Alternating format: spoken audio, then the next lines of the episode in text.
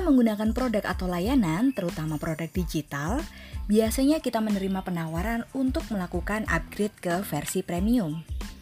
Di episode kali ini saya akan membahas mengenai suatu model bisnis yang disebut dengan freemium yang merupakan gabungan kata free yang berarti gratis dan premium.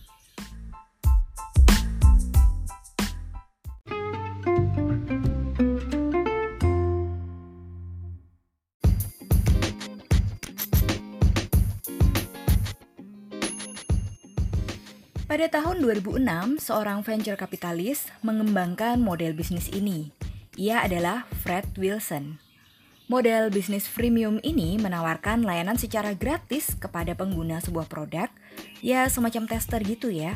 Umumnya layanan dasar, eh, layanan inti atau core service.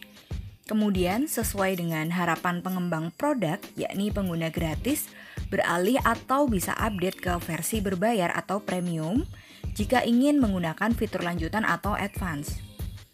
Pembatasan penggunaan basic antara lain pembatasan fitur, pembatasan kapasitas, pembatasan kelas, dan pembatasan effort. Mulai kebayang nggak produk digital gratis apa yang biasa kita pakai yang memiliki model bisnis freemium? Terus kenapa perusahaan memberikan layanan awal secara cuma-cuma kepada konsumen? Ada beberapa alasan. Yang pertama adalah karena ketika menggunakan produk digital, konsumen biasanya perlu merasakan experience terlebih dahulu. Jadi tidak cukup hanya dengan rekomendasi. Hal tersebut juga bisa menghasilkan informasi yang berguna bagi developer untuk mengetahui pendapat pengguna untuk melakukan improvisasi terhadap aplikasi yang dikembangkan. Model bisnis freemium juga bisa mengundang minat konsumen untuk melakukan upgrade ke versi berbayar untuk mendapatkan manfaat yang lebih. Seperti yang diungkapkan dailysocial.id bahwa perbedaan fitur antara layanan gratis dan berbayar ini juga harus memperhatikan nilai yang didapatkan oleh pengguna. Artinya, pengguna akan dengan mudah mengenai mana fasilitas gratis dan mana fasilitas yang berbayar dengan tidak menurunkan kualitas pengguna akan dengan sukarela membayar sesuatu yang mereka anggap worth it. Atau ketika layanan produk tersebut memang bermanfaat, mendukung kinerja pengguna, serta memenuhi ekspektasi dari pengguna. Namun perlu diperhatikan bahwa harga juga menjadi faktor yang harus diperhatikan oleh pengembang.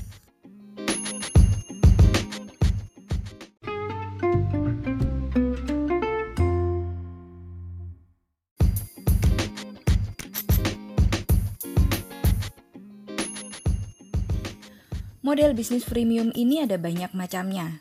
Merujuk kepada finansialku.com, model bisnis freemium yang pertama adalah yang klasik, yakni penawaran gratis selamanya namun fiturnya terbatas. Misalnya layanan cloud. Kan biasanya kita dapat free sekian gigabyte yang mana itu free selamanya. Jika kita ingin menggunakan atau memperbesar ruang penyimpanannya, maka kita harus membayarnya. Kemudian jenis premium yang selanjutnya adalah unlimited free trial. Tentu kalian pernah menjumpainya ya. Jadi perusahaan ini menawarkan uh, free trial 30 hari, free trial 60 hari atau free dengan target tertentu. Biasanya produk yang cukup asing atau membutuhkan pengalaman lebih mendalam sehingga konsumen membutuhkan waktu untuk mencoba produk ini. Next, freeware 2.0 kalau yang jenis ini pengguna bisa menikmati gratis untuk selamanya dengan fitur lengkap.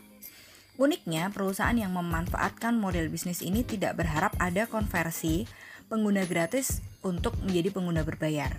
Lalu mereka dapat uang dari mana dong? Nah, monetizing perusahaan yang memilih freemium yang seperti ini bukan berasal dari aplikasi dasarnya, tetapi mereka mendapatkan uh, sumber dana dari sumber yang lain. Hampir mirip dengan freeware 2.0, ada yang menggunakan jenis freemium, freemium strategi produk alternatif, gratis selamanya, tapi versi berbayarnya ada di aplikasi lain. Nah, keunggulan dari strategi ini adalah tidak merusak citra produk berbayar yang dimiliki perusahaan. Jadi, produk berbayar dan produk gratis memiliki merek yang berbeda. Strategi selanjutnya adalah land and expand model uh, freemium yang satu ini menggunakan uh, membedakan penggunaan personal dan perusahaan. Jadi biasanya gratis untuk penggunaan personal tetapi berbayar untuk versi perusahaan atau institusi. Nah, jenis yang paling fantastik dari model bisnis freemium ini adalah yang ber berbentuk ekosistem. Kayak gimana sih ekosistem itu? Jadi, ekosistem memanfaatkan media marketplace untuk bisa sharing profit antara pengguna market dan penyedia market. Jadi, penyedia dapat mengembangkan produknya secara gratis. Misalnya, kalian adalah uh, programmer aplikasi mobile, maka kalian bisa mendaftarkan aplikasi yang sudah kalian buat itu gratis ke Android Market.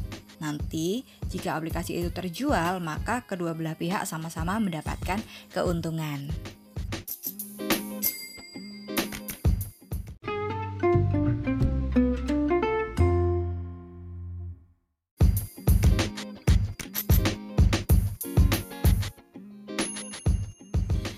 Kita menikmati layanan gratis, lalu dari mana perusahaan mendapatkan keuntungan ya?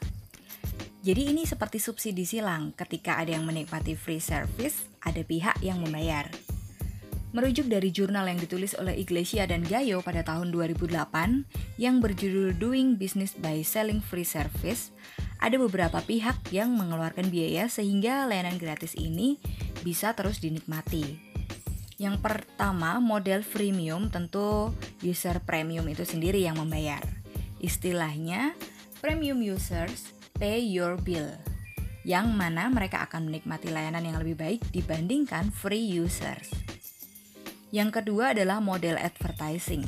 Yang membayar adalah advertisers. Mereka membayar agar iklannya bisa dilihat oleh pengguna produk tersebut. Itulah kenapa umumnya produk yang free diselingi oleh iklan. Yang ketiga adalah model work exchange, di mana yang membayar adalah penyedia layanan atau sponsor, sehingga mereka mendapatkan value dari pengguna. Contoh umum dari model ini adalah Google Maps yang menyediakan layanan directory, sehingga informasi yang dibagikan pengguna sangat berperan besar. Mereka yang berbagi cerita, berbagi foto di Google Map, ikut berperan dalam peningkatan value dari layanan itu sendiri atau pemilik platform, yang akhirnya menghasilkan uang untuk menjual ruang iklan. Lalu, benefit apa yang didapatkan oleh end user? Tentu, platform berbasis informasi seperti tadi Google Map, juga Quora, dan aplikasi-aplikasi yang lain adalah penggunanya lebih terinformasi dari banyak sumber daripada membaca satu sumber aja. Yang keempat adalah model kolaborasi massal yang membayar adalah relawan yang melakukan donasi yang didasari oleh altruisme, promosi diri, dan interest. Seperti contohnya Wikipedia yang mana biaya hosting dan minimum staff dari Wikipedia Foundation ini diperoleh dari donasi.